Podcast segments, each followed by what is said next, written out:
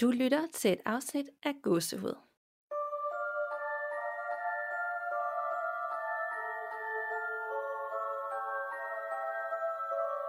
Hej Danika, Hej Nana, og hej til alle jer derude, der lytter med. og alle jer nye derude, der lytter med, har ja. vi fundet ud af.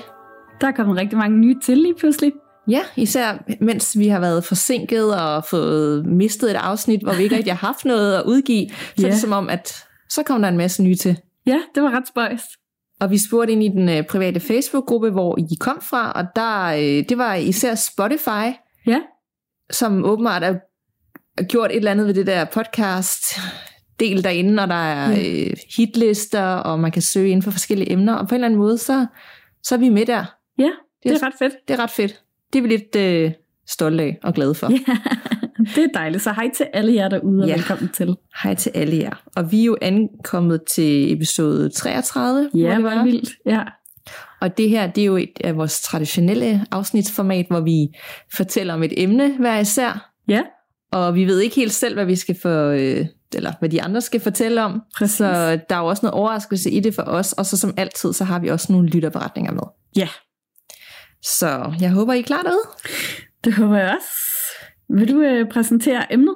Ja, altså øh, det vi skal tale om i dag, det kom så faktisk af afsnit 31, hvor vi snakkede om forladte, eller ikke forladte, forlystelsesparker, Ja. der var hjemsøgt. og også lidt forladte forlystelsesparker. Jo, Ja. Lidt af det hele. øhm, hvor hun havde arbejdet på et teater, kunne det passe? Ja, jeg synes, det var det. Øhm, og snakket om, at der var rigtig mange historier for teatre rundt omkring i Danmark. Ja. Ja, Og sådan en generel forståelse af, at det spøgte de fleste steder. ja. Så øh, vi, det blev vi simpelthen så inspireret af så hurtigt, at det var øh, helt klart det, vi følte, vi skulle tale om i dag. Så, Så- tak for den i dag, Ja, Christina. tak for det. Men nu er der jo også kommet alle de her øh, nye lytter til. Ja. Og det kunne være, at vi sådan... For der er måske der er ikke så mange derude, der ved ret meget om os, og Nej. hvem vi er. Altså, de fleste ved selvfølgelig vores navn, Præcis. men vores baggrund for interessen i det overnaturlige, og hvorfor vi overhovedet laver det her, og bruger så meget tid på gåsehud. Ja, Så vi talte lidt om, at vi lige skulle fortælle lidt mere om, om, om os selv, og Ja. hvorfor, hvordan og hvorledes, ja.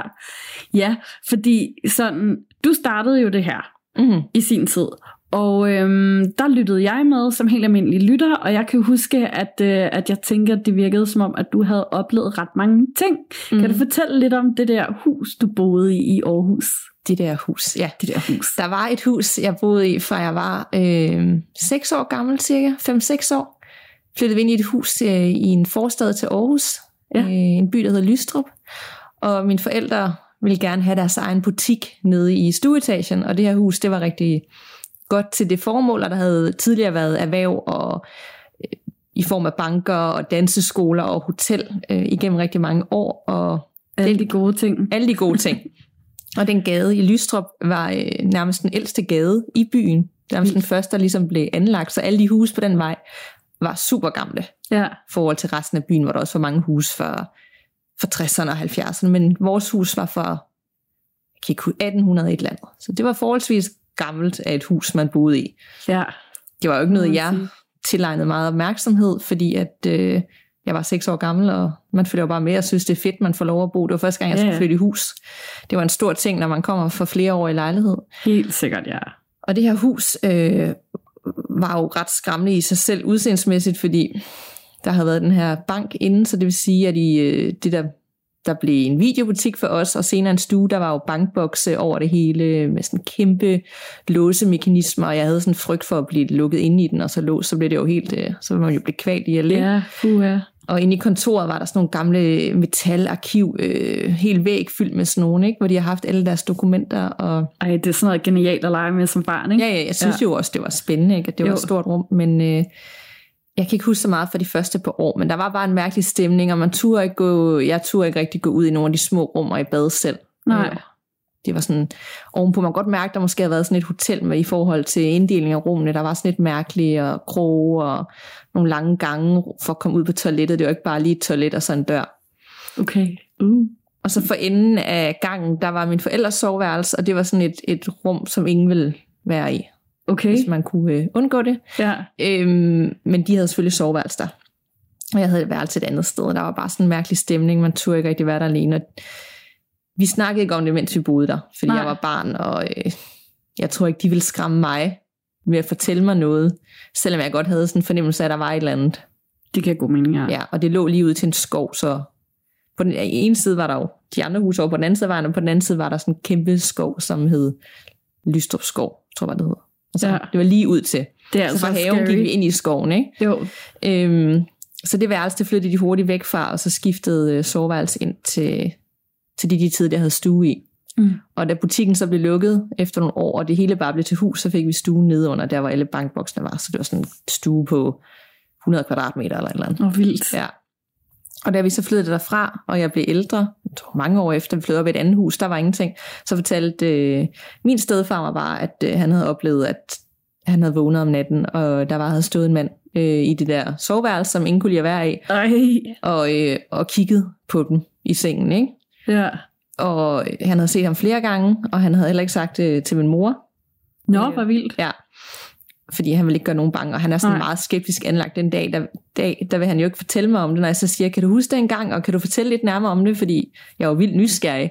Ja, Sådan sådan et, du ved, han vil næsten ikke vedkende sig, at han har set det her, fordi sådan fungerer hans hjerne ikke. Nej. Han er så ej, hvor vildt. videnskabelig til alt, ikke en tilgang til alt, så det her, det, det hænger slet ikke sammen i hans hoved, at det kunne ske, men han står fuldt ud ved, at det skete, og han så noget, og det var sikkert en tidligere gæst, eller en, der har arbejdet der. Der er jo sket alle mulige ting øh, igennem årene på det her sted, ikke? og sikkert Ja. mange folk, der døde der gennem tiden, for det hotel, der var, der var jo ikke sådan et fornemt hotel.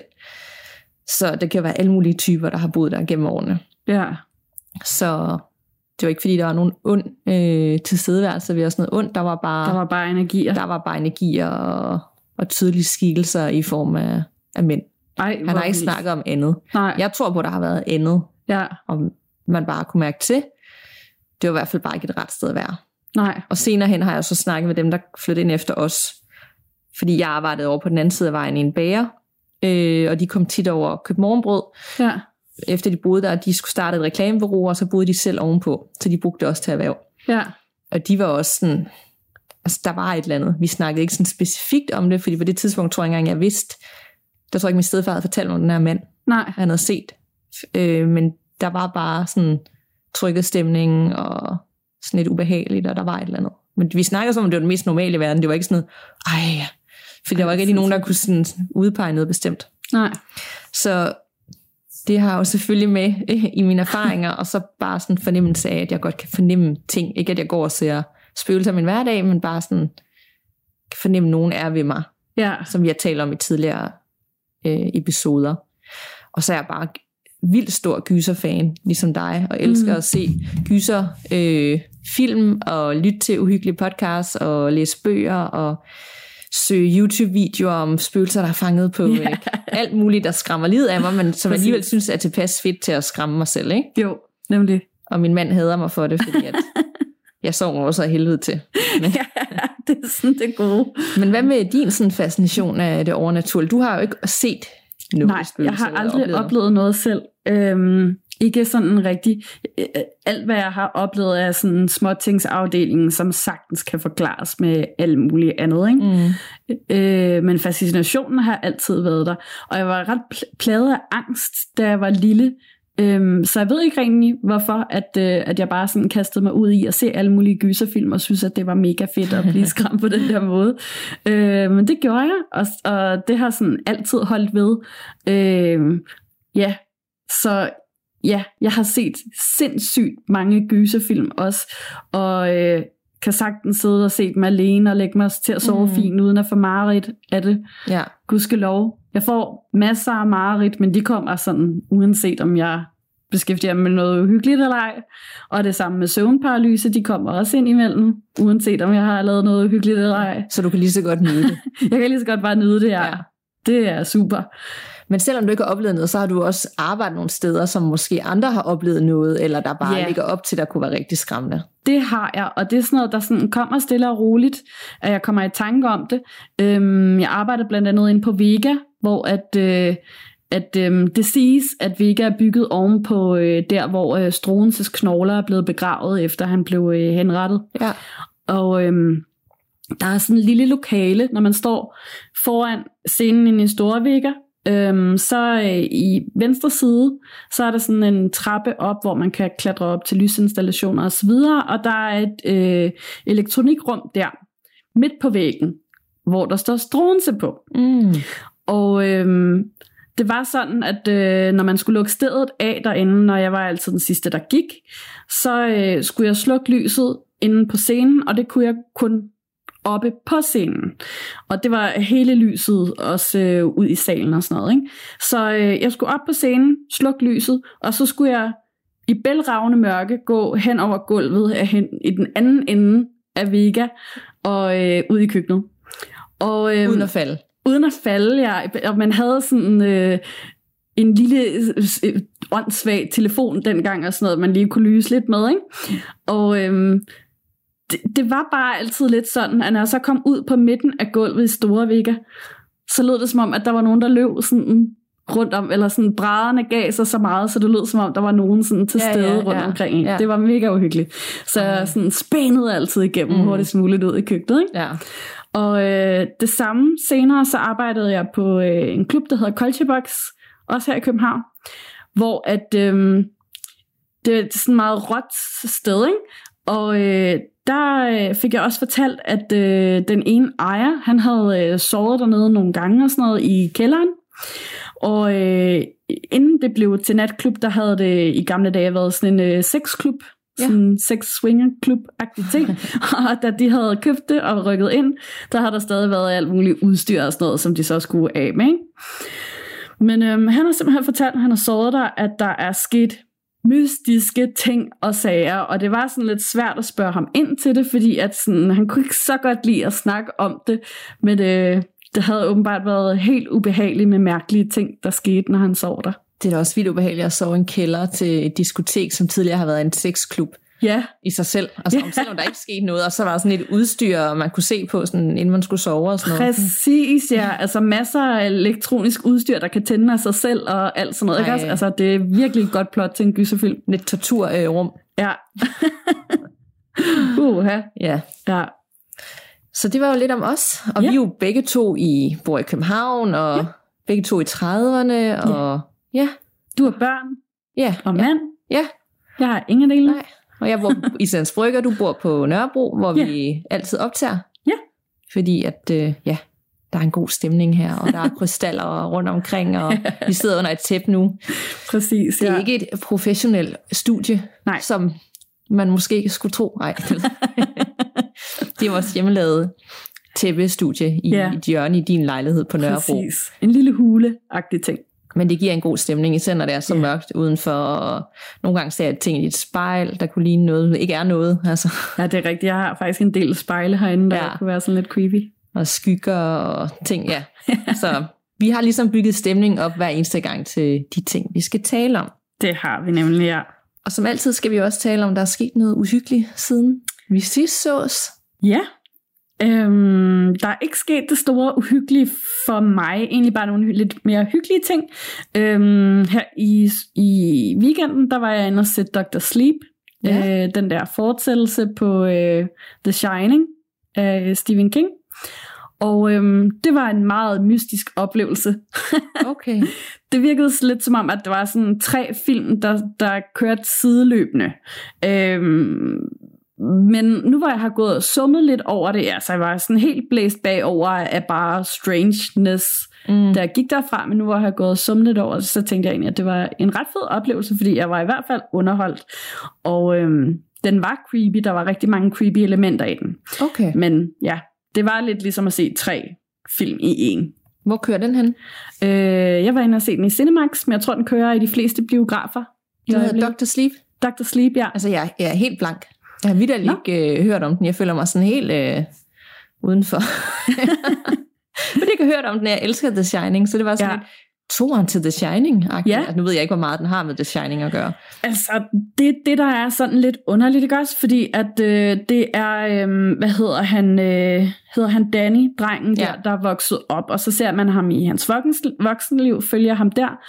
Og øhm, det kunne lige så godt have været en standalone film, hvor at han har en connection til nogle andre øh, børn med psykiske evner og sådan noget, ikke?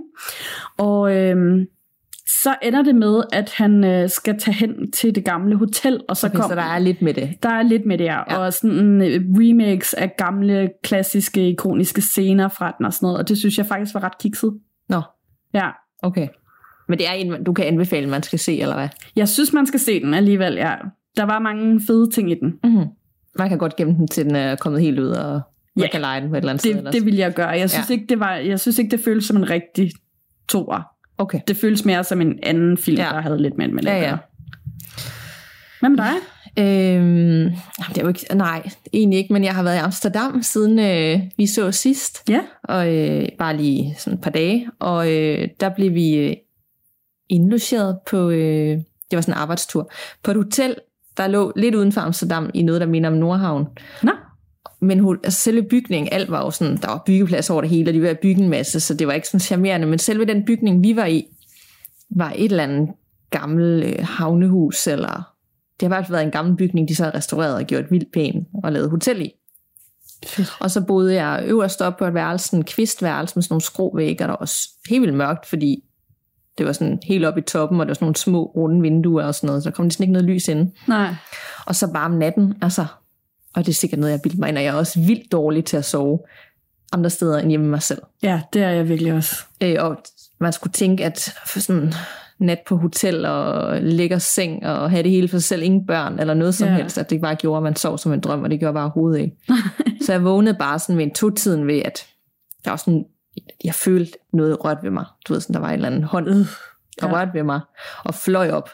Men det kunne, jeg, det kunne jeg også have fundet på at gøre derhjemme, ikke? Jo, Det kan jo godt være en drøm, der har virket meget realistisk. Og så var jeg jo bare panisk angst resten af natten, og sov næsten ikke. Og så natten efter sov jeg så med lyset tændt, og øh, bare sådan noget comedy, der kørte i baggrunden hele natten på tv'et, fordi jeg bare lige skulle være sikker. Det var sådan et mærkeligt rum, der var sådan rundt om hjørnet. Det var ikke bare et værelse. Der var køkken og alt muligt. ja. Øh, så det var uhyggeligt. Ja, Ikke nødvendigvis overnaturligt, men øh, jeg var klar til at komme hjem til min nybyggede lejlighed igen. ja det kan jeg da godt forstå. Uh, ja. Øhm, ja, så det er det, der sker. ja, Men det kan være, at vi skal gå videre til dagens emne. dagens emne skal jeg lægge ud. Ja. Og øh, det er jo lidt spændende, håber jeg, for dig, fordi at øh, vi snakkede lidt om, hvad vi skulle vælge. Og øh, Jeg ved ikke, hvad du har valgt. nej, nemlig, men det blev Betty Nansen. Ja. Betty Nansen taler. Det ligger på øh, Frederiksberg Allé nummer 57, på Frederiksberg selvfølgelig. Og øhm, der har været teater på stedet der siden øh, 1869, og det har haft forskellige navne, og øh, startede med at være sådan de lidt lettere genrer, som øh, revy og øh, lystspil og sådan. Men øh, den store teaterdame og skuespillerinde, Betty Nansen, hun øh, spørger på livet løs i teatersa- øh, teatersæsonen på Allé-scenen, som Betty Nansen også har heddet. Øh, og hun var nemlig direktør på stedet fra 1917 og i 26 år frem til sin død i 1943. Okay. Hun indførte et øh, mere seriøst repertoire på teatret og fik øh, opbygget stor agtelse med øh, moderne nordisk drama. Og øh, efter hendes afgang, efter hendes død, der har teatret virket under andre navne, som blandt andet Allé-scenen og Ungdomsteater. Men siden øh, 1980, så valgte man igen at kende Betty Nansen for at ære hende. Og øh, Betty Nansen som person er blevet omtalt af kollegaer, venner og bekendte som øh, en elegant og en målrettet meget bestemt kvinde. Hun var en dygtig skuespillerinde og har haft en kæmpe stor betydning for dansk teaterhistorie. Og øh, man kan så forestille sig, at hun også har haft store armbevægelser, øh, været meget dramatisk. Og selvom hun bliver sk- beskrevet som en kær sjæl, så, øh, så kunne jeg i hvert fald forestille mig, at hun også har haft et øh, lidt ildret temperament, når tingene ikke lige har, har gået efter hendes hoved, mm. og ja, man ikke lige har levet op til de samme standarder, som hun har haft, idéer, som hun har haft. Ikke? Hun er ambitiøs. Præcis, ja. Og øhm, jeg har fundet den her meget geniale artikel, øh, meget gamle artikel, øh, som går ud på, øh, øh, den bygger i hvert fald på beretninger fra øh, en gammel kendt dansk skuespiller, som blandt andet er med i Matador, der hedder Bent Meiding, Mhm. øh, som var direktør derinde øh, efter hendes død.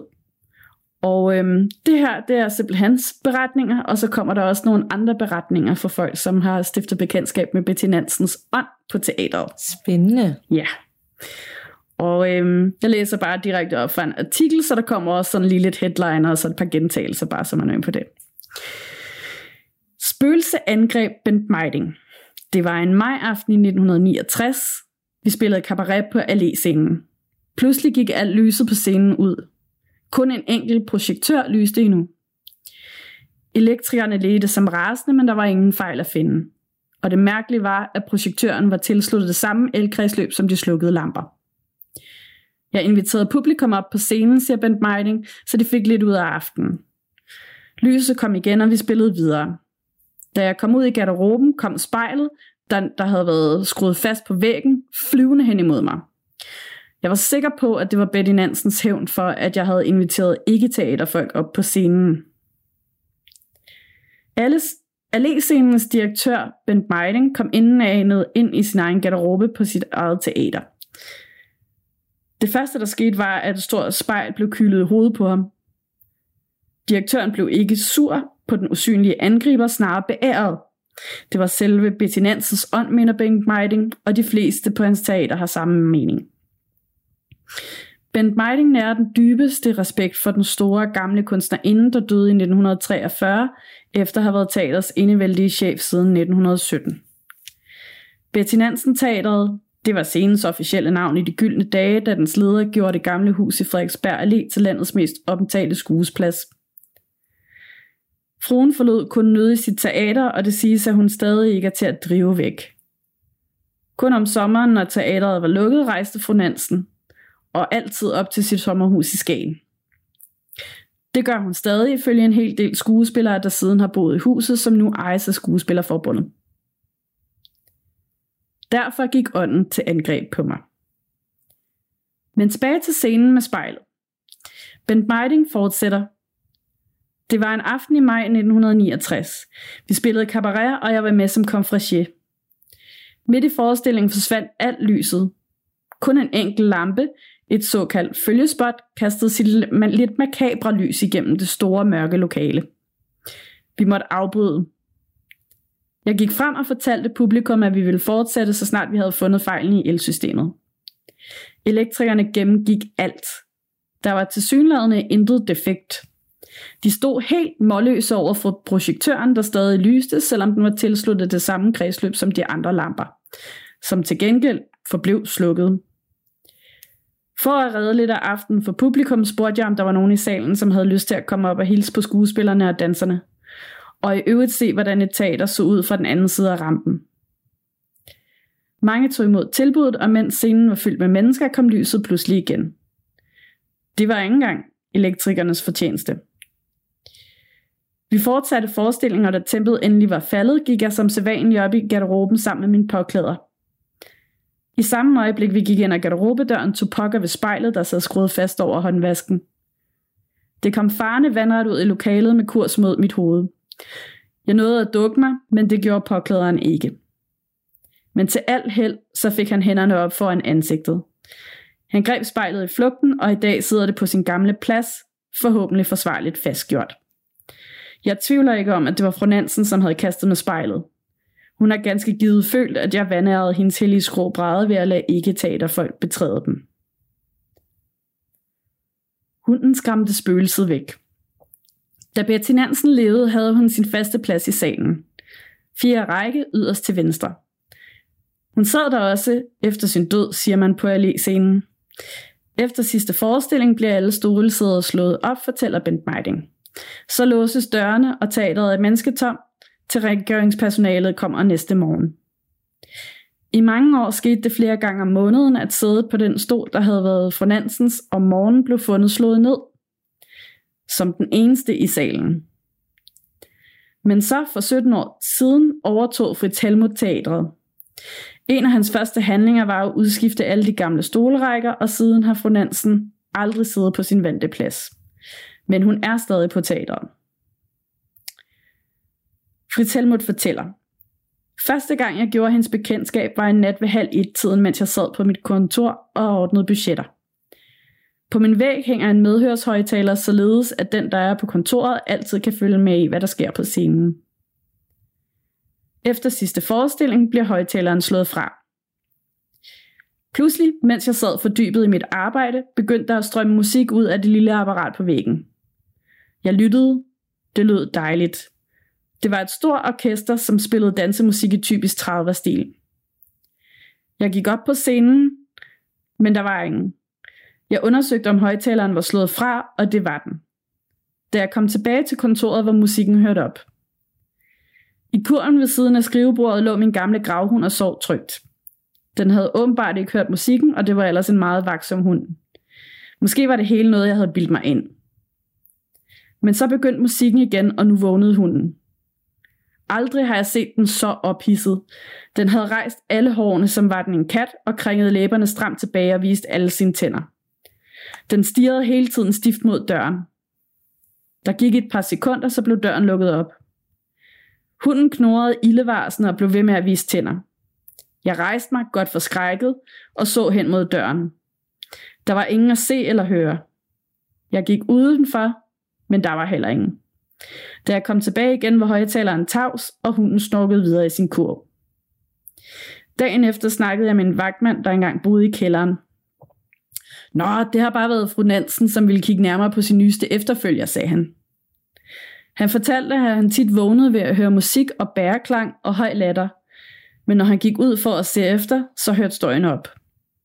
Han var overbevist om, at det var fru Nansen, som hyggede sig, og det var han glad for, sagde han. Da den døde frue gik amok.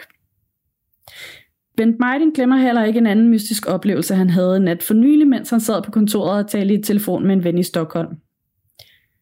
Jeg hørte den store yderdør smækket.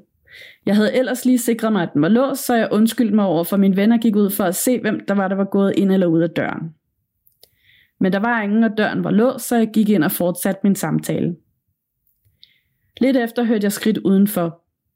Langsomme, lidt tunge fodtrin. En eller anden var på vej op ad trapperne op til garderoberne på første sal. Jeg undskyldte mig igen, lagde røret på skrivebordet og gik ud. Alle døre var låst, der var intet at se, intet at høre i det store tomme teater. Mens jeg stod på første sal, smækkede døren til den garderobe, der havde været fru Nansens, og igen hørte jeg trinene. Jeg var mildt sagt forvirret, men jeg valgte at gå ned og tale videre med min ven. Da jeg havde sat mig, kom trinene igen. Dengang gang endte de i lokalet til venstre for mig.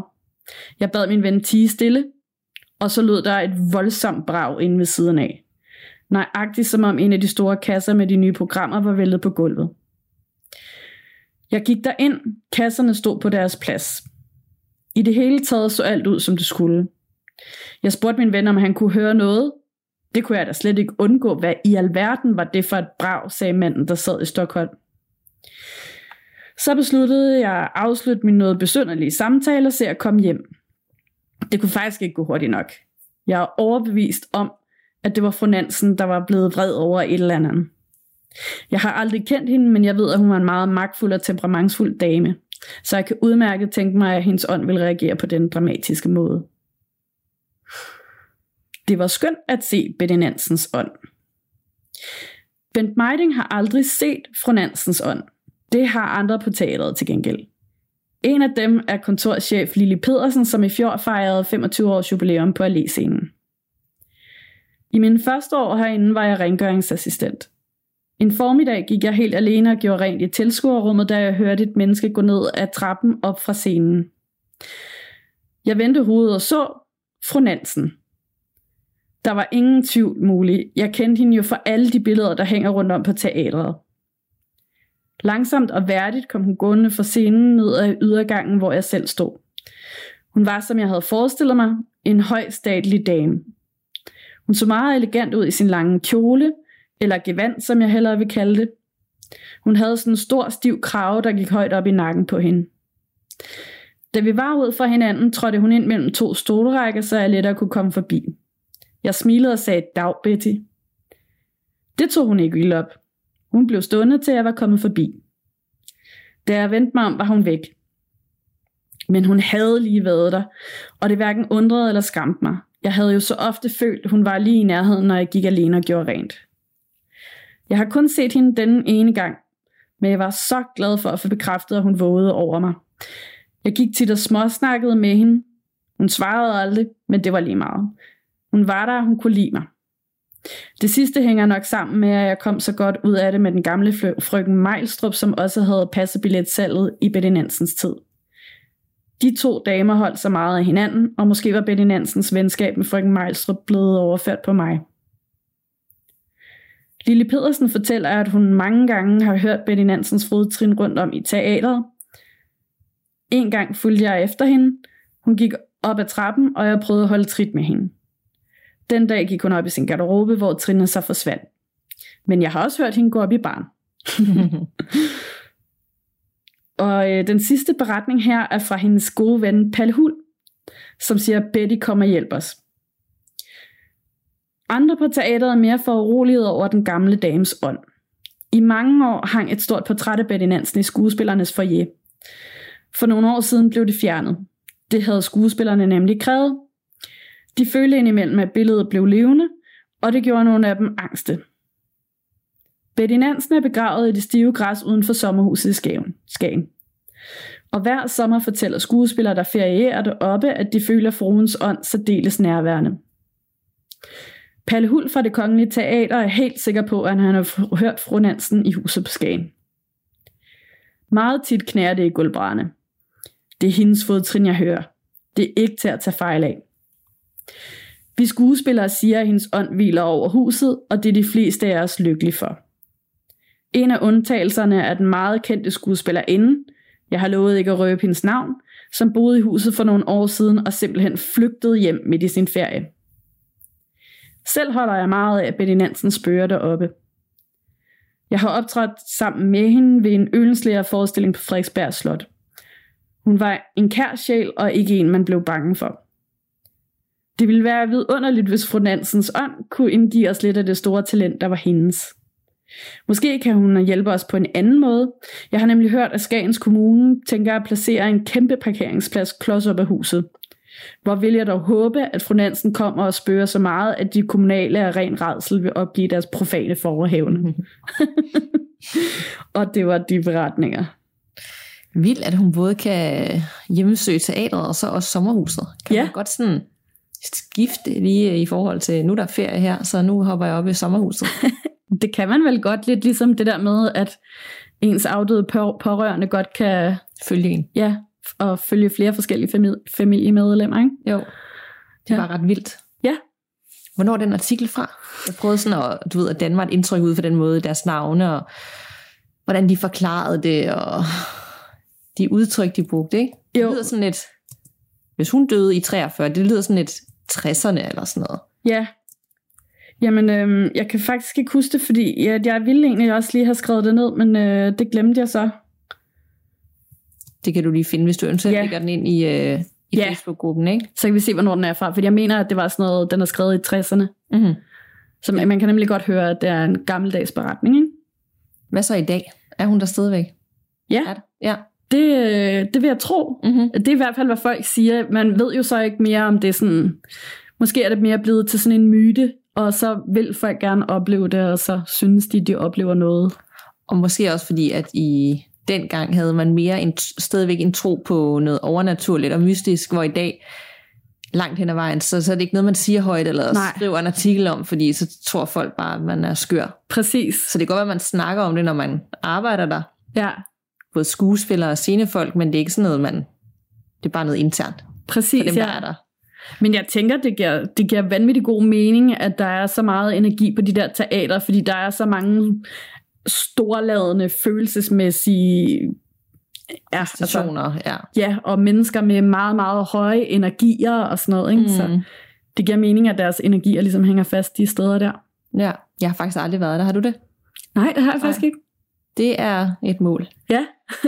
Et, øh, fordi så er det jo heller ikke så langt væk. Det er da i hvert fald nemt er for os at komme til. Nu ved jeg ikke, om de har sådan nogle rundvisninger, eller man bare kan komme ind, uden at man skal se et, et teaterstykke. Altså man får lov til at lige at, at opleve øh, lokalerne og det ved jeg faktisk heller ikke. dokumentere det undervejs, ikke? Jo, Det kunne være mega fedt. Ja, det det kunne gad det. jeg godt. ja, det gad jeg også godt. Nå, skal jeg gå til min? Ja. Og jeg har valgt, eller Det ved du godt, for jeg er nødt at skrive til dig, og så skriver du til mig, at Ja, du får ikke at vide, hvad jeg vælger. præcis. Odense Teater. Øhm, så vi skal lige til Fyn en tur. Ja. Og det har jeg valgt af flere grunde. Både fordi øh, historien omkring stedet det er ret spændende, men også fordi det er Danmarks andet ældste teater. Og det tænker jeg i sig selv var ret uhyggeligt at Ja, konstatere, ikke? jo. Men inden jeg sådan dykker ned i Odense Teater og hvad der sker der, eller er sket, så tænker jeg, at det kunne være meget sjovt og finurligt at tale lidt om de her ritualer, der er på teateret landet over. Og måske også i andre lande. Jeg kunne forestille mig, at det er sådan noget, der går igen i mange, mange steder. Garanteret, ja. Fordi få steder er nemlig så forbundet med ritualer og overtro som teaterscenen. Lidt ligesom du snakkede om, fordi det er følelser og energier, og Ja, der er bare noget andet på spil på sådan en arbejdsplads. helt sikkert. På de fleste teater landet over, så skulle der være mere mellem himmel og jord. Også når man søger det frem på Google. Ja, I hvert fald, hvis man spørger skuespillere og scenefolk. Teatret er nemlig ikke alene et sted for scenemagi og gode fortællinger, men det er også et, øh, et rum, der traditionelt set er hjemsøgt af forskellige former for overtro. Som selv teaterfolk den dag i dag, de gør deres bedste for at overholde. De tør simpelthen ikke andet. mm. For tænk nu, hvis en, en forestilling gik dårligt, eller fordi man havde glemt et eller andet, man skulle gøre. Og man har fået videre de andre, der har været der i længere tid, man skulle gøre. Ikke? præcis. Som bare for at være på den sikre side, så gør man det. Og det gør man jo i mange ting. Det gør man jo også med, i sport, sportens verden. Ja, nemlig. Derfor så er der små regler, de overholder for at holde ulykke og væsener væk. Og nogle de tager selvfølgelig afsæt i tanken om, at øh, et teaterstykke kan blive forbandet, og andre de har sådan en helt praktisk grund bag sig. Først og fremmest så er det åbenbart forbundet med ulykke at fløjte på og bag scenen. Det er dog de færreste, der ved, at øh, det skyldes, at de tunge kulisser og scenetæpper i gamle dage blev betjent af sømænd på overlov. Nå, Det vidste jeg ikke. nej, det vidste jeg heller ikke. De var nemlig stærke og vant til at holde styr på en masse ræb øh, for bådene.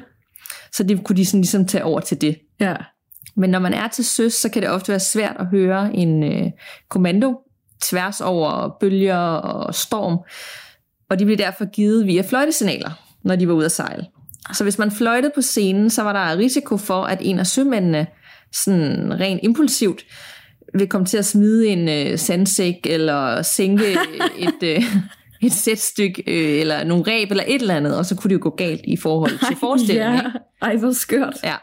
Så det, og det er jo ikke fordi, der er nogen sømænd, der står for det i dag, Nej, men det er stadigvæk bare underforstået, du fløjter simpelthen ikke på en scene eller Nej. på en scene. Det gør man bare ikke. Og så er der dem, som allerede i deres elevtid øh, lærer, at man efter aller sidste forestilling skal trampe på sit kostume. Faktisk hver eneste stykke tøj, man har haft på, ikke bare det hele. Men sådan, nu tramper jeg på nederdelen, nu tramper jeg på trøjen. ja. Fordi det betyder held og lykke, og man så højst sandsynligt vil komme tilbage på den her scene igen. Nå, Ja. man må til gengæld ikke sige held og lykke til en Nej. skuespiller. Det vidste jeg heller ikke. Fordi det betyder nemlig det modsatte. ja, den kender jeg godt. Er det rigtigt? ja. Man må gerne sige knæk og bræk, eller pøj pøj, eller sådan noget. Ja. Men man må heller aldrig tak. Altså skuespillerne, hvis nogen siger øh, pøj pøj, så må man ikke sige tak. Nå, det vidste jeg heller ikke. Øh, for de her råd eller ønsker. Jeg ved ikke, hvorfor må man egentlig ikke, det står ikke, hvorfor man ikke må sige held og lykke. Altså, det må man bare ikke. Er det sådan, Ja, det ved jeg egentlig heller ikke. Det, jeg ved egentlig heller er det ikke, fordi, hvorfor. man ikke bare kan antage det? Jeg ved det ikke, at man har held og lykke på sin vej. Men Ja. ja. nogle gange så synes jeg også, det er mærkeligt at sige sådan, det ved jeg ikke. Man siger jo heller ikke held og lykke med operationen. Nej, Eller du ved, held og lykke med, det ved jeg ikke. Det vil jo også lyde mærkeligt på en eller anden måde. præcis. Fordi, ja, så er det måske bedre at sige pøj pøj. Man må heller ikke give blomster før en forestilling, men gerne efter. Mm. Og det er en, øh, en gammel overtro. Det kræver endda, at det er blomster, der er stjålet fra en kirkegård. Nå, Og det, som jeg kunne læse mig frem til, er sandsynligvis opstået af øh, økonomisk nødvendighed, fordi dengang så havde omrejsende fattige skuespillere ikke råd til at købe friske buketter. nej. Og så er der også det ritual, der hedder, man aldrig, der må aldrig være tre tændte lys på en scene. Og det er ikke noget med en potentiel brandfare, for må der, godt være, der må godt være to sterinlys. Der må bare ikke være tre. Og når man om natten lader et lys brænde på scenen, så er det for at holde spøgelserne, som foretrækker mørket væk, men også for, at de sceneteknikere, der møder ind tidligere om morgenen, ikke skal falde over noget. Og i dag er der jo ligesom rigtig lys, Ja. men det er stadigvæk bare sådan ting, man, man ved. Ja. Der også er der selvfølgelig et hav af øh, ritualer, som hver enkelte person har. Øhm, det kan være en lille ting, de bærer i lommen. Øh, det kan være, at de skal gå den samme vej frem og tilbage. De må ikke øh, for eksempel smide deres... De må ikke have jakker på på scenen, hvis man nu kommer Mm. og man skal på arbejde, og man så siger hej til andre, så må man ikke bære overtøj på scenen, fordi også gammel overtro. Der var mange, der var der rigtig mange timer dengang. Så hvis man kom, så var det sådan ligesom en våd klud i hovedet på dem, sådan mindede den om, at øh, ja. de arbejdede mere, ikke? og så er det sådan underforstået, hvis man har, kommer til at tage sit overtøj på op på scenen, så skylder man en kasse øl.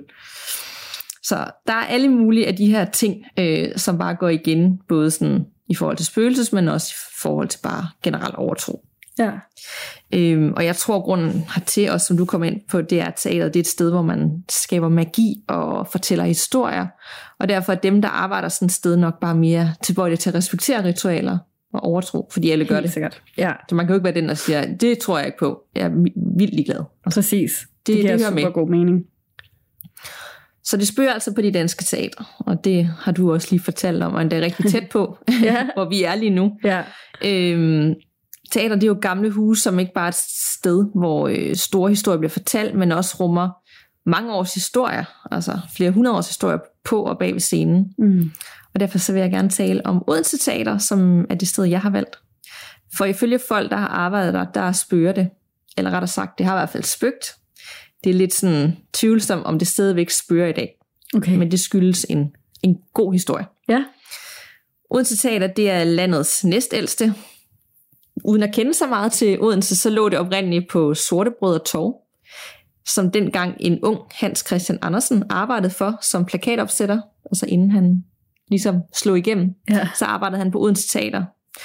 Det vil sige, at vi er helt tilbage i øh, 1700-tallet. Og den nuværende bygning, som teateret ligger i nu, den øh, blev opført i 1913 cirka. Så de har altså skiftet placering undervejs. Men der er Ja. selvfølgelig taget nogle ting med øh, helt fra det oprindelige teater. Og Odense Teater består af intet mindre end 330 døre, en 500 eller 105 år gammel bygning og et enkelt venligt spøgelse. Odense Teater i Jernbanegade det er nemlig et fascinerende sted, både for de ansatte, men også de mange besøgende. Og der er en masse mystiske kroge og små skjulte steder og kældre, hvor man nærmest skal kravle rundt, øhm, og bare gode historier.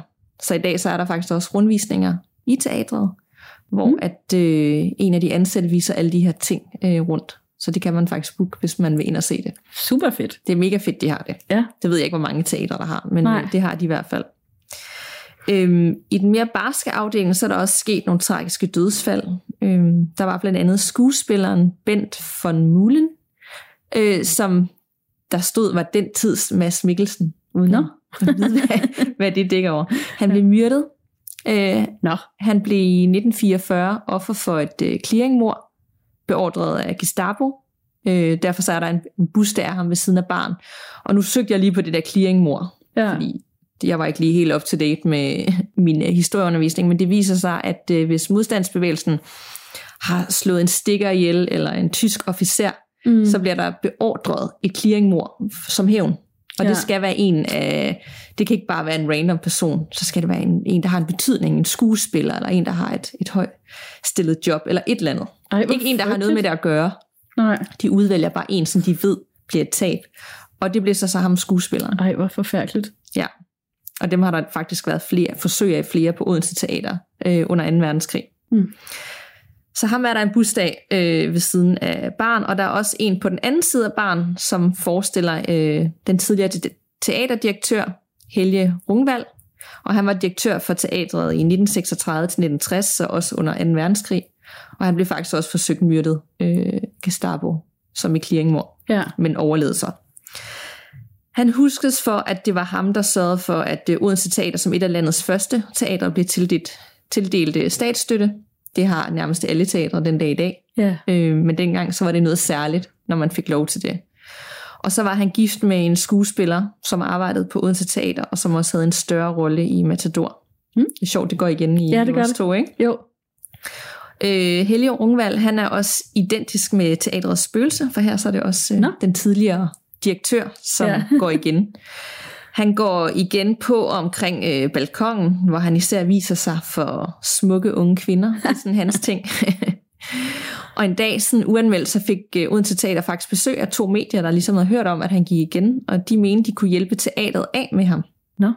Men de blev simpelthen sendt hjem igen, og det var ikke noget, de var interesseret i, fordi Nej. spøgelser er ikke sådan til gene for dem, der er der.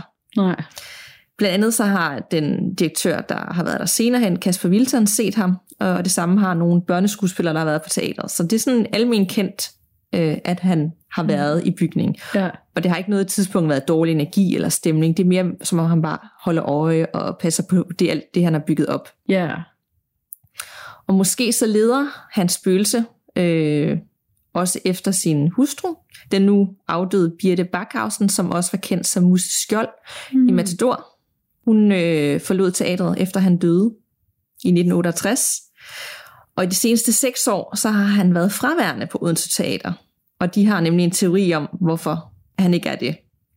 Og der er en øh, ansat på Odense Teater, der siger, at Helge Rungvald var gift med skuespilleren Birte Backhausen, som også var ansat her på teateret. Da han døde, tog Birte videre til København for at gøre karriere der, og jeg tror, han har gået og let efter hende alle de her år. Nå. Sagen er nemlig den, at for seks år siden døde hun, så jeg tror, de er forenet nu. Så efter hun døde, så er han ikke blevet spottet længere. Nå, hvor vildt. Ja, så er han, de er ligesom måske blevet genforenet på Ej, den anden side. Det håber jeg. Ja, så det, var, det synes jeg var lidt sødt. Ja, det er virkelig sødt. Der er stadigvæk sådan skuespillere, folk arbejder, der rapporterer om døre, der smækker, og pludselig blæst midt ind på scenen, selvom der ikke er noget åben, men de har ikke en fornemmelse af, at han er der længere. Så kan det være under energier fra andre folk, der har Ja. arbejdet der, eller ting, der er sket gennem årene. For som regel, så har der jo altid været nogle dødsfald, eller et eller andet tragisk, når de har været der så længe. Ja. Og alle, der arbejder, der er bekendt med det, øh, de mener også, at der er en hemmelig smugkro nede i kælderen. Og der fandt jeg også en artikel med en skuespiller. Og der menes også, at der er sådan en hemmelig loge, der mødes dernede den dag i dag. Okay, spændende. Ja. og det er ikke noget, man sådan, som det nu er med loger. Det er jo meget, meget hemmeligt og tys, Ja. tys, ikke? Jo. Men det er sådan noget, der folk, der arbejder sådan er ret overvist om. Øh, der er ikke ligesom blevet afsløret noget, men det er nogle rigtig små gange og kælder, og man nærmest skal krybe nogle steder for at komme ind til de der steder, hvor de mener, de mødes. Og hvad Ej, de laver, det ved jeg ikke. spændende. Det kunne være, at man skulle have sådan et logeafsnit. Ja, Men det, det er jo lidt svært at finde noget om det, når det er så mystisk, ikke? jo, det er det. Og fordi jeg dykkede så meget ned i Odense Teater, så gik det jo faktisk op for mig, hvor øh, gammel byen egentlig er. Og hvor mange steder, der åbenbart er hjemsøgt i Odense. Mm. Øh, og nu er det ikke, fordi jeg skal gå i dybden med andre fortællinger øh, for Odense. Det kan vi eventuelt tage et andet Helt afsnit, sikkert, hvor ja. vi skal søge rundt i Danmark. Ja. Men øh, den fynske hovedstad har nemlig sine spøgelseshistorier. Og nogle af dem, det er især knyttet til det gamle Sankt Knuds kloster, der i dag huser Historiens Hus og som tidligere bibliotek. Det blev grundlagt omkring 1100-tallet, så det i sig selv er jo ret mange år, hvor der kunne ja, ske noget. sige. Der blev 12 engelske munke øh, tilkaldt for at passe på Knud den Hellige. Så jeg tænker, der, der er en masse aktivitet omkring det, som går mange år tilbage. Ja. Og så er der nogle savn omkring en hemmelig gang, der skulle have gået fra St. Knuds kloster og til Nonneklosteret på Nonneborg, som er det, man kender som Nonnebakken i Odense dag. Ja. Der var simpelthen en underjordisk gang, siger man, mellem de to kloster under åen. Og her, der var der nogle kærlighedshistorier om munke og nonner, der mødtes, som Nå. de jo ikke måtte. Ja, Øh, selvfølgelig. så øh, ja. og faktisk, og det var lidt tilfældigt, jeg fandt over det, så er der et, et podcast, der hedder Den Fjerde Væg. Kender du det? Ja, Gør du det? Og det er helt eller tilfældigt. jeg kender det ikke i forvejen, men jeg stødte faktisk også på det sådan i forbindelse med det her research. Ja, Fordi, det gjorde jeg også. Ja, ja, ja, ja.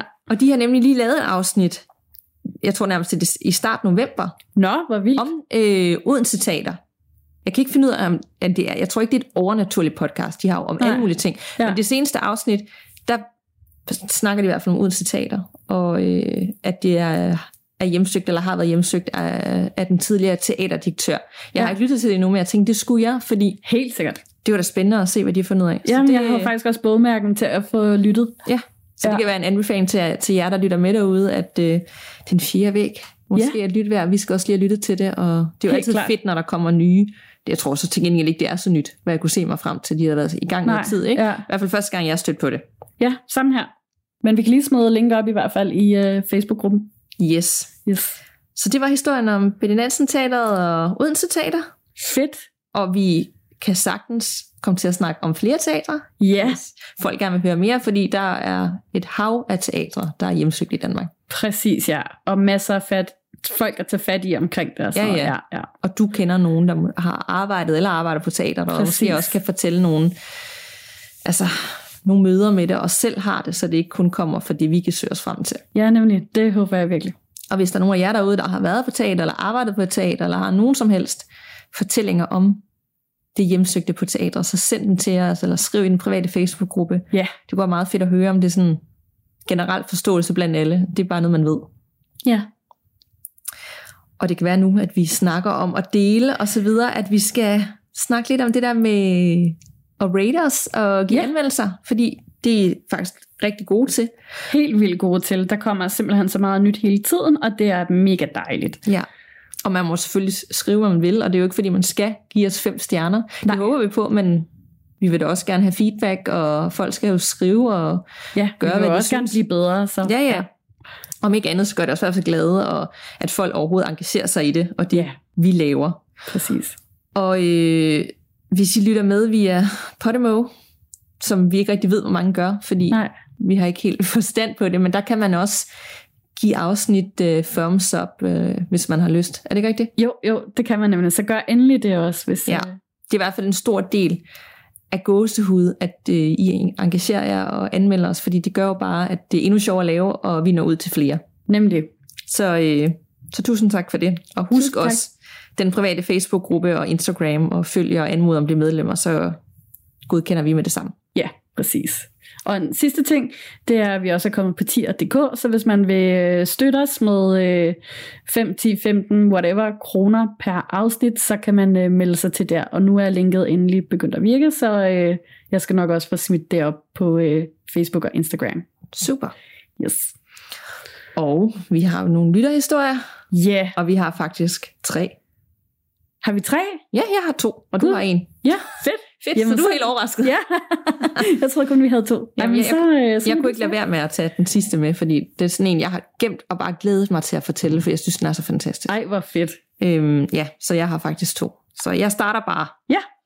Øhm, ja, og den går sådan her den første. Hej gåsehudstøser. Jeg har tidligere delt den her fortælling på jeres side, men vælger også at sende den til jer, så I kan bruge den. Denne fortælling gav gåsehud, men på den gode, hyggelige måde. For en del år siden arbejdede jeg som bartender på et værtshus i København. Der kommer mange forskellige mennesker gennem sådan et sted, og man taler med de fleste. Jeg er et meget åben menneske og hygger mig nu ret godt med det. En aften kom der en herre ind og bestiller en øl. Han sidder med den i stillhed i baren, og han ser ofte på mig, mens han smiler. Efter noget tid siger han til mig, ved du godt, at din morbror er ved din side? Jeg mobbede for, hvor skulle han vide fra, at han var gået bort nogle år før? Vi talte lidt mere om det, og han sagde, at han kunne se og mærke hans tilstedeværelse hos mig, og den kærlighed, som han sendte til mig. Siden da har jeg tit trøstet mig ved, at jeg vidste, at han var ved min side, og jeg har skældt ham ud, når noget var væk og grædt i hans selskab, når livet gik mig på. Nu arbejder jeg igen på et værtshus, og sidst jeg var der, gik snakken på mere mellem himmel og jord, og hvad man tror på. Jeg fortæller så den her historie, og jeg mærker gåsehud fra min tær og hele vejen op i kinderne.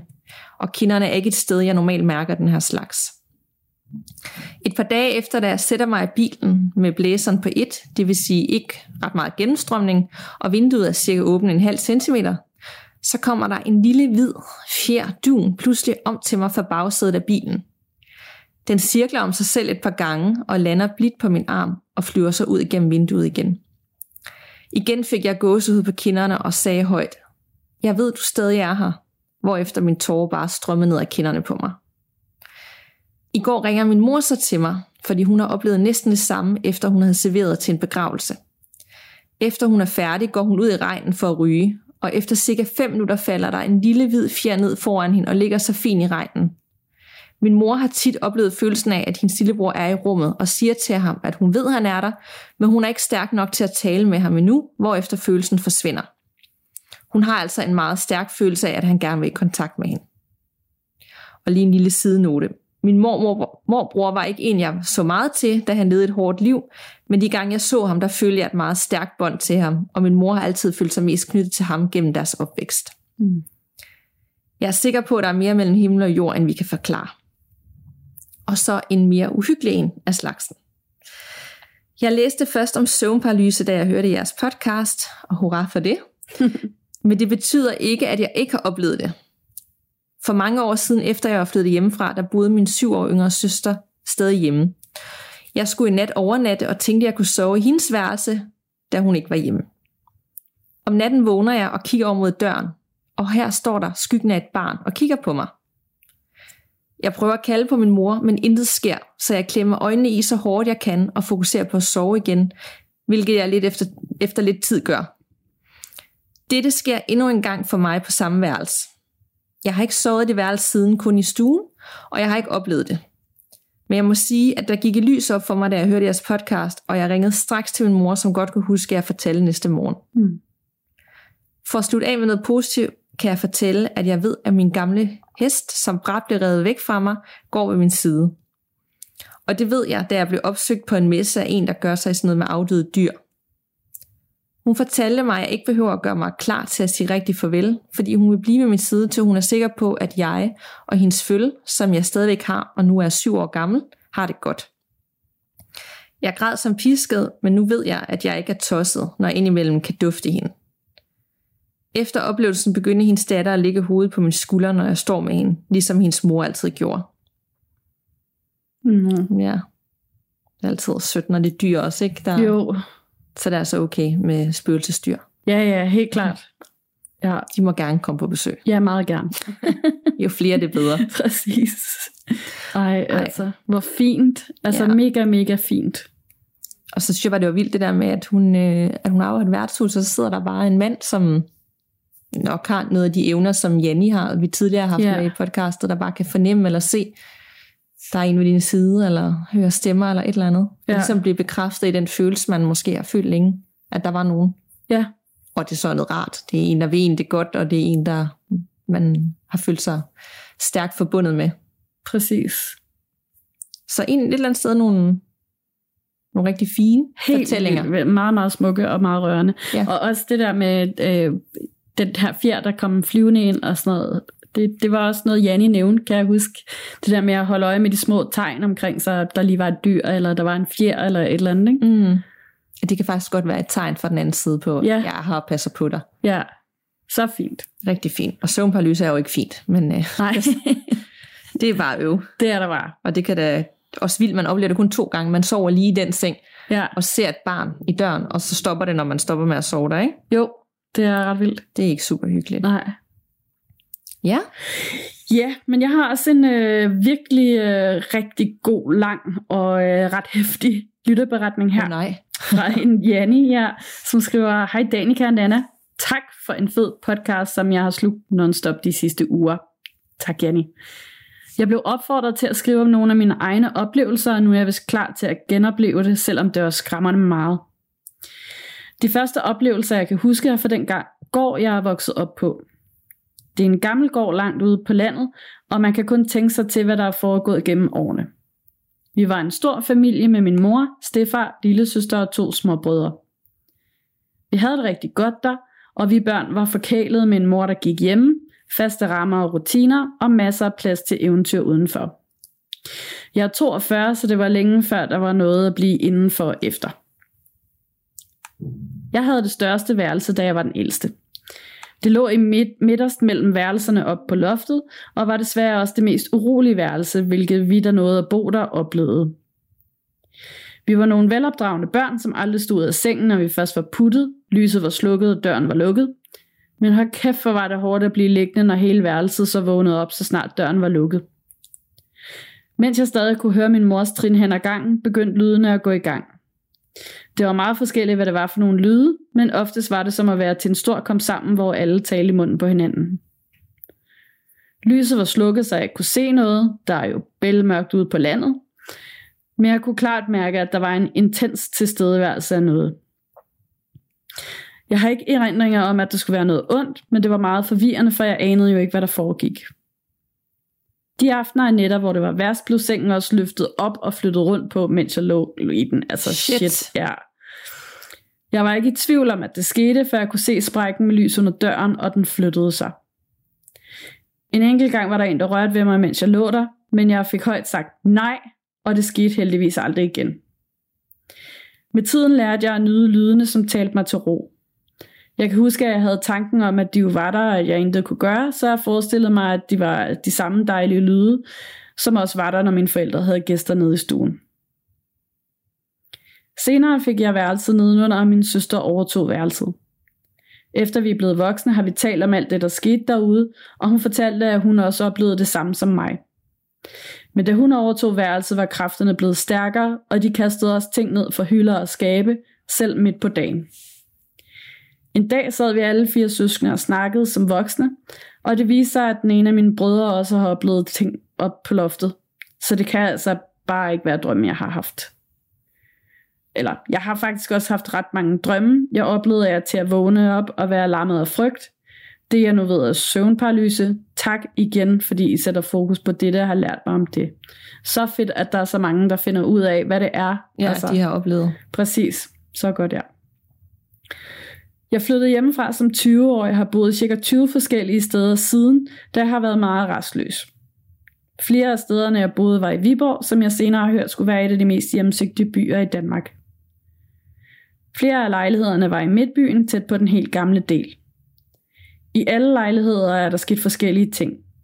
Lige fra en sød gammel kone, der fulgte med mig hjem fra en healer, og som flyttede rundt på ting og møbler, så det hele passede mig bedre. Hun følger mig stadig, kan jeg mærke, og jeg kom, kommer frem, når det hele spidser til. Til en lejlighed, hvor jeg decideret flygtede af skræk. Jeg vil gerne fortælle om den sidste lejlighed. Den ligger lige over for Latinerhaven og Domkirken, og var en af de mest spændende lejligheder, jeg har haft. Man gik ind i opgangen og så op på anden sal op ad en gammel snodet trappe. Når man kom ind i lejligheden, kom man ind i en lille entré, og så kunne man gå videre ind i soveværelset og stuen, Udover det var der et værelse, køkken og badeværelse. Og for badeværelset kunne man gå ind i nogle loftsrum gennem en lille dør. Det føltes som at gå ind i en helt anden verden, for de var uudnyttede, og der stod ting for tidligere beboere. Jeg havde dog som regel låst døren, da rummene føltes levende på en måde. Den første tid elskede jeg min nye lejlighed, og jeg fik indrettet mig rigtig godt. I mit store soveværelse var der en væg med indbygget skabe, hvor alt mit tøj hang. Min seng stod i midten af rummet, hvor jeg havde udsigt over domkirken, og det var så fedt det hele. Kunne slet ikke forstå, at jeg var så heldig at finde så stor, fed og billig en lejlighed lige midt i min elskede by. Efter noget tid begyndte det dog at ændre sig. Når jeg sad inde i stuen, blev der taget i hoveddøren og banket på, men der var aldrig nogen, når jeg gik ud for at kigge. Man ville ikke lydløst kunne komme hurtigt væk på grund af den gamle trappe, men jeg tænkte det nok bare var mit hoved, der drillede. Efterhånden optrappede det dog, og jeg lukkede døren ud til entréen om aftenen, fordi jeg begyndte at blive bange og utryg ved lydene. Men så begyndte jeg at banke på døren ind til stuen, og der blev taget fysiske håndtaget, så jeg nu kunne sidde og se på det. Jeg får det seriøst dårligt. At ja, jamen jeg fik også virkelig sådan rigtig mange sådan creeps, ja. da jeg læste det her igennem i går. Ja, ja Øhm, når jeg vendte ryggen til for at prøve at ignorere det, så begyndte jeg at bange på skråvinduerne lige over sofaen i stedet for. Ja, det er virkelig ulækkert. Så hårdt, at jeg var bange for, at det ville smadre ruderne. Jeg flyttede sofaen, men det hjalp ikke, og så begyndte jeg at opholde mig i mit soveværelse i stedet for. Her skete det samme dog, med døre og vinduer, og lågerne ind til de gamle skabe begyndte også at åbne sig. Det var gamle skabe, og det var klart en sneker, der havde lavet dem. De var lidt svære at åbne, der var en stærk magnet i, og de bandt lidt i selve lågen. Men alligevel åbnede de sig lige så stille, og jeg kunne høre noget inden for skabene. Det lød som om havet der susede, bare helt stille. Måske lidt ligesom at gå i en skov, hvor en brise får bladene til at rasle. En aften gik jeg hen for at kigge ind i et skab. Jeg kunne ikke se noget, men en eller anden form for magt fik mig til at strække armen ud og stikke den ind i skabet. Jeg ville normalt aldrig turde gå derhen, men det var som om jeg på en måde blev besat og blev tvunget til at gå derhen. Da jeg stak hånden ind, kunne jeg mærke en tyk tåge eller sådan, som man forestiller sig, en tyk tog ville føles. Og da armen var helt derinde, så følte jeg noget at tage fat helt blidt og begyndte at trække i mig. Jeg prøvede at trække armen til mig, og så tog det hårdt fat og trak hårdere. Heldigvis vågnede jeg ligesom op lige der, og trak så hårdt jeg kunne og faldt tungt bagover, da det endelig gav slip. Så hårdt havde det holdt fast. Lige efter begyndte lågen at lukke sig langsomt i igen, mens en ra- rasende stemme væsede mit navn derindefra. Ej. Ja, det er virkelig sygt ulækkert. Ja. Nu kunne jeg ikke blive boende længere. Jeg flyttede soveværelset ind i det andet værelse, men det var lige ved siden af, og alt det andet skete stadig, så der var aldrig ro efter mørkets frembrud. Jeg var skræmt for vid og sans, og brugte mere og mere tid over hos min daværende kæreste i København. Jeg sagde lejligheden op, men kunne slet ikke overskue at skulle blive boende i de tre måneder, jeg havde i opsigelse. Så da en veninde ville overtage den i et par måneder, så jeg kun skulle bo der en måned mere, så slog jeg til. Jeg fortalte hende alt om det, der var sket, men hun troede ikke på den slags og var stadig klar på at flytte ind. En af de sidste aftener kom min lillebror på besøg. Han er 10 år yngre end mig og gik på HH på det tidspunkt. Han manglede et sted at crashe, inden og efter en bytur, og jeg tog imod ham med åbne arme, for så skulle jeg jo ikke være alene. Ham og hans venner sad i stuen og drak, mens jeg sad inde i sengen og læste. For en gang skyld var der helt stille, og jeg tænkte, at det der nu var i lejligheden nok var bange for dem, og at nu skulle jeg prøve at få en hel nats ro. Min venindes ting var allerede begyndt at rykke ind, så det gamle soveværelse var fyldt op med hendes ting. Det var fuldstændig pakket, så man ikke kunne komme ind i rummet, hvilket dog ikke gjorde mig noget, for jeg turde alligevel ikke være derinde. Jeg var begyndt på at sove på sofaen med tv'et tændt hele natten, så det overdøvede nogle af alle de lyde, der var der. Denne nat, da jeg var faldet i søvn, ringede min mobil pludselig. Det var min lillebror, som spurgte, om jeg ikke ville låse døren op. Jeg sagde, at den var låst op, som vi havde aftalt, men han sagde, at det var den ikke, og øh, jeg kunne høre, at han stod og fumlede og hamrede mod døren dernede. Men det var bare ikke min hoveddør, men, men døren nede ved gaden. Det var mærkeligt, fordi at den, øh, den kunne ikke lukkes, fordi at den ikke kunne lukkes, eller den kunne ikke låse den her dør, fordi at øh, den ikke kunne lukkes helt. Jeg sagde så til ham, at han skulle prøve døren over i gården i stedet for, og det gjorde han så. Jeg havde ham stadig i røret, og nu sagde han, at han heller ikke kunne komme ind der, fordi der stod en idiot og holdt den indenfra. Ej. Ja. Nu blev jeg bange.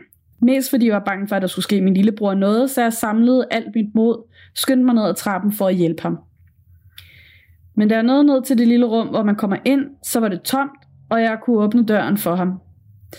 Hvad der end havde været, så var det væk, og vi gik op i lejligheden. Min lillebror sov på min anden sofa, og i løbet af natten vågner jeg og ser, at han ikke ligger der. Jeg tænker, at han måske er på WC og ligger og venter på ham. Men han kommer ikke igen, så jeg går ud for at se, om han er okay. Han var der ikke. Pludselig kunne jeg høre hans stemme og begynder at gå efter den. Den kommer inden for det store soveværelse, og jeg kunne høre, at han talte med nogen. Jeg tænker, at han måske taler i telefon, men vil lige kigge ind. Jeg kan se toppen af hans hoved henne ved et åbent skab, og han står og taler med noget derinde. Jeg kan ikke høre præcis, hvad han siger, men pludselig kan jeg høre ordene. Ja, selvfølgelig vil jeg komme ind. Og så skriger jeg hans navn, hvilket får ham til at vågne. Det tager ham en evighed at kravle tilbage over alle kasserne og tingene. Han er stadig enormt beruset, og vi kan slet ikke forstå, hvordan han overhovedet er kommet over dem i første omgang. Jeg får ham puttet på sofaen og holder øje med ham resten af natten. Næste morgen husker han intet, og, og jeg holder min mund, for der er jo ingen grund til at skræmme ham. Senere har min mor dog fortalt mig, at han havde sagt til hende, at han havde haft så dårlig en fornemmelse op hos mig, at han ikke ville derop igen. Så hans ubevidst, underbevidsthed har nok øh, husket noget. Dagen efter flyttede jeg permanent over til min kæreste og fik veninden til at pakke og opmagasinere mine ting, indtil jeg fik en ny lejlighed. Nu kan jeg høre skridt op på min første, første sal, så jeg vil stoppe for nu. Jeg bor nemlig alene, og det er som om, at når jeg dykker for meget ned i tingene, så begynder det hele at ske igen. Så jeg vil ikke udfordre skæbnen mere i denne omgang. Finder måske mod til at fortælle mere en anden gang. Uh. Der er lige sådan en, en lyd bagved, der er lige nogen, der borer, hvis yeah. man undrer sig over, hvad det er. Det er ikke os, der sidder og skælver. Nej. Selvom at, at jeg også har det pænt nøjeren ja. efter øh, den der beretning. Hold nu kæft, jeg vidste slet ikke, den gik den vej. Nej. Det, det var jo helt, den gik dæmonisk. Øh. Fuldstændig. Altså jeg fik sådan, det der i skabet, det er totalt ligesom uh, Toshi der i, um, er det ikke The Grudge? Jo, det er The Grudge. Er der, der er sådan en dreng inde i et skab. Ja, et spøgelsesdreng. Ja, jeg fik totalt flashes til det. Ej, jeg ved slet ikke, hvad jeg skal sige. Altså. Nej, det er godt nok sindssygt. Altså godt du er væk, men Ja, det lyder også, som om hun har nogle evner, der gør, at hun finder ting, hvis der er altså, ja, alle steder, ikke? jo, Eller også det der med, at man er ved en healer, og så får man en med hjem. ja, Altså, er det ikke omvendt, eller hvad? jo, det burde det egentlig være, ikke? Så skal jeg ikke til healer, hvis jeg pludselig får et eller andet med hjem. Nej, Men det er jo bare, hvis man er modtagelig, ikke? Og, og det er en god energi, så gør det måske ikke noget, men det, det lød bare lidt omvendt. ja, det gør det. Lidt voldsomt. Ja, ej. Det var, øh, ja, kan vide, hvad I tænker derude, der lytter med. Og Ja. vi også øh, tænker, det har jeg også prøvet, eller what? Det er standard er. Viborg, er det der, jeg bor i Viborg nu? Fordi at jeg bor også i en lejlighed, der lyder som det. Ja, Der er jo nok nogen, der bor der i dag i den lejlighed. Kan ja ja, det vide? kan man forestille sig. Jeg synes, det er vildt, at veninden lige flyttede ind i to måneder. Jeg gad godt vide, hvad hun tænkte, og hun bare har... Der har slet ikke været noget, eller... Ja, hun har oplevet noget, et eller andet. Ja. Det er vildt, hvis det kun viser sig for nogle mennesker, ikke? Og så Ja. er der andre, der kan leve i sådan en lejlighed, uden de nogensinde bemærker noget. ja. Ja.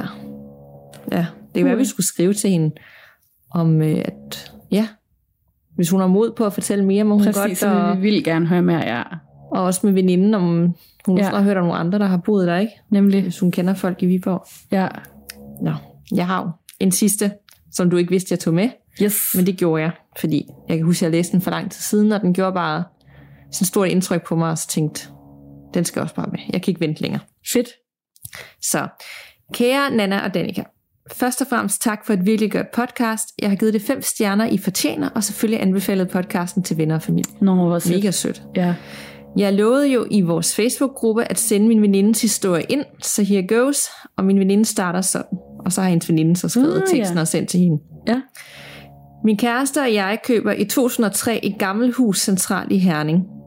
Der er intet lavet om i huset, for det blev bygget i 1936, og frem til det tidspunkt, hvor vi overtager det. Så det skal renoveres fra top til to. Der er en gammel kælder i huset. Denne er i sin tid blevet brugt til noget tekstilfremstilling, så alle de gamle maskiner, de står stadig i kælderen. Der er desuden et rum med vaskemaskine. Kælderen er meget kold og fugtig og nærmest lidt skummel. Vi får oplyst, at det er den samme familie, der har boet i huset gennem alle årene. Inden købet møder vi datteren til ejeren adskillige gange. Hun vil gerne sikre sig, at huset bliver solgt til nogle mennesker, der vil passe godt på det. Vi får købt huset og flytter ind med det samme. Min kæreste, min søn på syv år og jeg. Vores plan er at bo i huset, mens vi renoverer, da det selvfølgelig vil spares for en masse penge. Vi flytter ind i september 2003. Min søn får værelse klods op af vores værelse, hvor der er en dør imellem. Allerede første nat er han op af skille gange og siger, at han er bange og ikke kan sove. Vi tænker selvfølgelig, at det er på grund af flytning, men det her mønster det fortsætter dog i flere dage, og det bliver kun værre og værre. Han tør simpelthen ikke at sove alene, så vi vælger til sidst at lade ham sove hos os, så vi alle kan få nattero. Min søn ændrer også adfærd. Fra at være en selvstændig lille dreng, der kunne lege alene, til at være hænge op af os voksne konstant, når han er indendørs. Vi tager en snak med ham om det, for at komme problemet nærmere og for at støtte ham selvfølgelig. Under snakken siger han pludselig, jamen jeg er bange for den gamle dame. Vi spørger selvfølgelig til hvilken gamle dame han snakker om, og han svarer, den gamle dame, der bor i kælderen. Vi fortæller ham, at der ikke bor nogen gamle dame i kælderen, men han står fast og fortæller, at når han leger ude i haven og kigger ind gennem vinduer i kælderen, så står der en gammel dame i det rum, hvor maskemaskinen er, og den gamle dame er meget uhyggelig at kigge på, og hun altid råber til ham, at han skal passe på. Åh oh, nej. Vi bliver lidt bange, da han er meget detaljeret i hans beskrivelse af de forskellige episoder. Vi vælger så at gå med ham ned i kælderen for at se, om der er nogen, og det er der selvfølgelig ikke. Han fortæller, at hun kun kommer frem, når vi ikke er der. Dagene går, og udfordringen med min søn er de samme. Han nægter at være alene i alle husets rum. En overgang vælger vi ikke at snakke om det, for at se, om det kan hjælpe, men det gør det selvfølgelig ikke. En dag, da vi sidder og snakker over aftensmaden, siger han pludselig, Mor, jeg tror altså ikke, at den gamle dame er farlig, for hun siger jo hele tiden, at jeg skal passe på mig selv. Vi snakker lidt om det og bliver enige om, at den gamle dame er rigtig sød, i håb om, at det kan give ham mere ro. Mm. Det hjælper. Han bliver mere tryg, og stille og roligt så tør han færdes rundt i huset alene. Dagen før nytårsaften 2003 kommer han panisk løbende ind til mig og siger, at den gamle dame er død. Han havde været i kælderen og var gået ind i vaskerummet, og der stod hun. Hun havde kigget på ham og sagt, husk at passe på dig selv, og så var hun faldet om og var væk. Nå. Han fortæller yderligere detaljeret, hvordan hun så ud og hvilket tøj hun havde på. Jeg føjer ham og siger noget i stil med, at så er der jo kun os tilbage i huset nu. Denne nat sover han inde på sit værelse for første gang siden vi flyttede ind. Nytårsaften dag står vi op og begynder at gøre klar til festlighederne. Min søn, der plejer at gå meget op i nytårsfejring, er meget uengageret og ligger bare på sofaen og orker ingenting. Jeg tænker, at han muligvis har influenza. Jeg tager hans temperatur, men den er fin. Jeg opdager, der er nogle røde prikker i hans hud, men lader ham være, og han får lov at sove. Jeg putter ham og siger, at han bare skal kalde, hvis der er noget. Jeg går selv i seng ved trætiden, og vågner allerede klokken 6 om morgenen og er frisk. Jeg er gravid på det her tidspunkt, og jeg har et stort sovehjerte, så det er lidt underligt, at jeg er så frisk. Men jeg går i gang med at rydde op efter festen. Mens jeg står og vasker op, så sker der noget uforklarligt. Det er ligesom om tiden går i stå, og jeg bare fryser. Jeg kan ikke bevæge mig. Jeg taber den tallerken, jeg står med, og højt og tydeligt hører jeg en damestemme, der siger, væk din søn og tag ham med til lægen nu. Tiden går i gang igen, og jeg farer ind på min søns værelse og nærmest hiver ham op af sengen, får ham i tøjet og afsted til vagtlægen. I bilen siger han til mig, at han faktisk har det meget bedre, og han bare gerne vil hjem og sove. Jeg er stadig febrilsk og siger, at nu skal vi så lige have ham tjekket. Inden ved vagtlægen går det stærkt. Han undersøger min søn og ser meget bekymret ud og siger til mig, at vi skal direkte op på børneafdelingen til udredning. Jeg hører ikke, hvad min søn skal udredes for, men på vej op på børneafdelingen læser jeg det stykke papir, han har givet mig med, og der står, at vi skal bede eller afkræfte mistanke om leukemi. Min verden bryder sammen i det sekund. Vi får hentet farmand og kommer op på børneafdelingen. Efter flere timer bliver vi overført til børnekraftafdelingen på Skype sygehus, og her får vi oplyst, at vores dreng har leukemi, og hans tilstand er kritisk. Og var vi ikke kommet netop den dag, vil han højst sandsynligt ikke have overlevet, men været død af indre blødninger.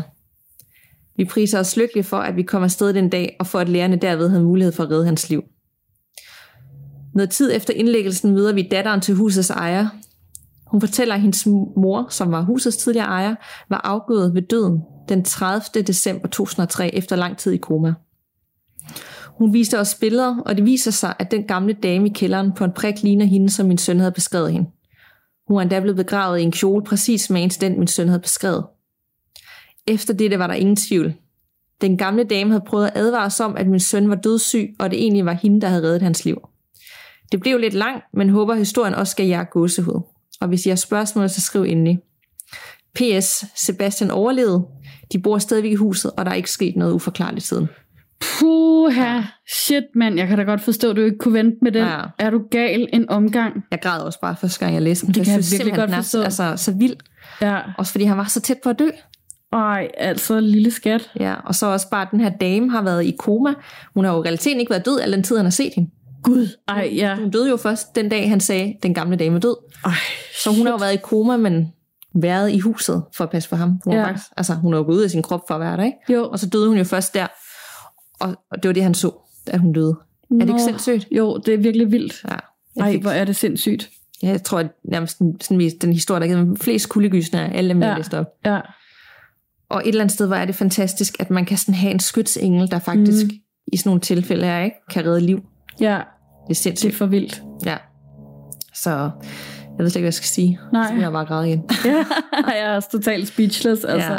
Jeg tror også bare, det minder mig om alt det der med, hvis man selv har børn, og Sylvester, der var ved at drukne dengang. Ja. Øh, hvor jeg også følte, at der var nogen, der ligesom holdt hånden over ham. Ja. Og det kan der godt være nogen, altså, det er jo ikke i alle tilfælde, man er så heldig, men nogle gange så har man, så er man bare helt ekstremt heldig. Præcis. Øhm, og bliver ligesom passet på af nogle andre. Ja. Så det var øh, lige en øh, tårpresser at slutte af på. Ja, shit, wow. Ja, men mega mange tak, fordi at din veninde gad at, ja. at sende den til dig, og du så sendte den til os. Altså det er bare, kæft for det bare fedt, at folk gider dele sådan nogle livsbekræftende også historier på en eller anden måde. Præcis, ja.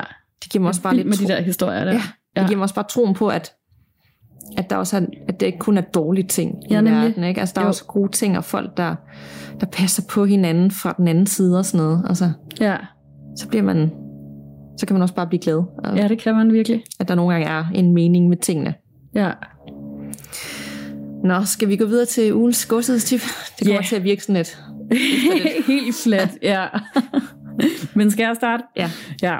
Øh, jamen, øh, mit tip denne gang, det er en øh, film, ny, relativt ny film, der er kommet op på øh, Viaplay i øjeblikket, som hedder Unfriended, The Dark Web. Mm-hmm. Det er fortsættelsen til en anden film, som hedder Unfriended, øhm, som desværre ikke er tilgængelig lige i øjeblikket. Men øh, den kan sagtens stå alene, toeren her. Den, øh, jeg, jeg mener faktisk, at jeg har snakket lidt om Ja. Unfriended før, ja. Og øh, det er samme præmis i toeren, at øh, det hele foregår på en computerskærm, og øh, man følger det her Skype-møde med en masse forskellige mennesker, og øh, hovedpersonen har så stjålet den her computer, og øh, der begynder at ske mærkelige ting og sager, øh, komme mystiske beskeder, og han bliver hele tiden logget ind på en andens øh, Facebook-konto og alt sådan noget. Mm. Øhm, og så tager den nogle ret vilde drejninger derfra med en hel masse ting, der foregår på The Dark Web, hvor at alt det farlige jo sker. Ikke? Nå, hvad, hvad sagde? Hvor var den lå hen? Via Play. Det er Viaplay, okay. Ja, og jeg synes, øh, den var overraskende fed. Måske mm-hmm. endda også federe end etteren. ja. Ja. Jamen, det er da godt at vide. Ja. Det er lige den, jeg ikke har. Altså, jeg har ikke Viaplay. Nå, Men jeg har det sådan i perioder. ja, Du kender det, hvis der kommer et eller andet, jeg skal se. Ikke? Og så, præcis. det eneste, jeg har fast, det er faktisk Netflix, tror jeg. Og nogle Ja. gange HBO. Men, øh, men det lyder mega godt. Ja, Det kunne være, man skulle undersøge det. vildt god. Nå, men jeg har også et tip, og øh, det er måske et tip, som nogen har set, hvis man er med i øh, Facebook-gruppen, hvor jeg har snakket lidt om det her nye podcast, jeg har fundet, der hedder Let's Not Meet, Ah ja, og jeg er virkelig besat af det. Ja. Jeg har lyttet til så mange afsnit de seneste par uger. Og det var en, der tippede mig om det ind på min egen øh, personlige øh, Instagram-profil, hvor hun skrev, at hvis du godt kan lide et godt gys, så synes jeg lige, at du skulle øh, give den her et lyt. Og, så, og normalt, man får mange anbefalinger, men der var bare Ja. et eller andet, jeg tænkte, okay, det tjekker jeg lige ud. Og så gav jeg den bare et afsnit. Jeg tror ikke engang, jeg startede i sæson 1, fordi jeg kunne godt lide at starte lidt senere, hvor hvis nu der har været, du ved, Ja, ja, det er ja. lang tid siden eller et eller andet. Ja. Så jeg startede bare ved afsnit 1 i sæson 2. Og øh, præmissen er, at øh, ham her verden, han læser øh, beretninger fra Reddit, aha. Øh, men ligesom folk, der har sendt det ind i den her tråd, der hedder Let's Not Meet, ja. det er ikke overnaturligt, men det er mega uhyggeligt. Nogle af dem er overnaturlige, men ellers så kan det være alt muligt. Det kan være, øh, en, hvor man drejede til højre, hvor man ikke skulle, og så mødte nogle mærkelige typer ned ad vejen, ja. øh, hvor det var rigtig tæt på, at det gik galt. Øh, en stalker, der stalker ind i et hus. Øh, øh, det kan være noget med altså, øh, under krig, øh, ting, der er gået galt. Altså alle mulige situationer, hvor det er rigtig tæt på. Ej, hvor spændende. Hvor de så er overlevet, eller kommet ud af det, eller et eller andet, hvor det har været tæt på at være kidnappet, eller Ja, i alle mulige steder. Øh, mega spændende fortællinger, som han læser op. Og der er sådan underlægningsmusik på, men det spiller Fedt. bare. Og han har en rigtig, rigtig god og behagelig, sådan spændende fortællerstemme. ja. Og så på sådan et afsnit, så kommer man igennem jeg ved ikke, fire til syv beretninger. Og man dykker bare ned i den her verden, og jeg forsvinder helt. Ej, Jeg, ved, jeg står jeg nu, hvis jeg skal er hjemme, og afsnittet ikke er færdigt, så står jeg bare ude foran vores hoveddør og kigger ind i døren sådan i fem minutter ind.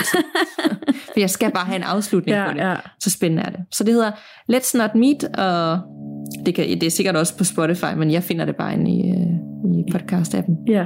Så Ej, giv det et lyt. Fedt, mand. Det skal jeg høre med det samme. Er det rigtigt? Nå. Ja, Der er to sæsoner, og sæson 3 er lige startet. perfekt. Han holder ikke rigtig pause med sæsonerne, så det fortsætter bare. Genialt. Mm.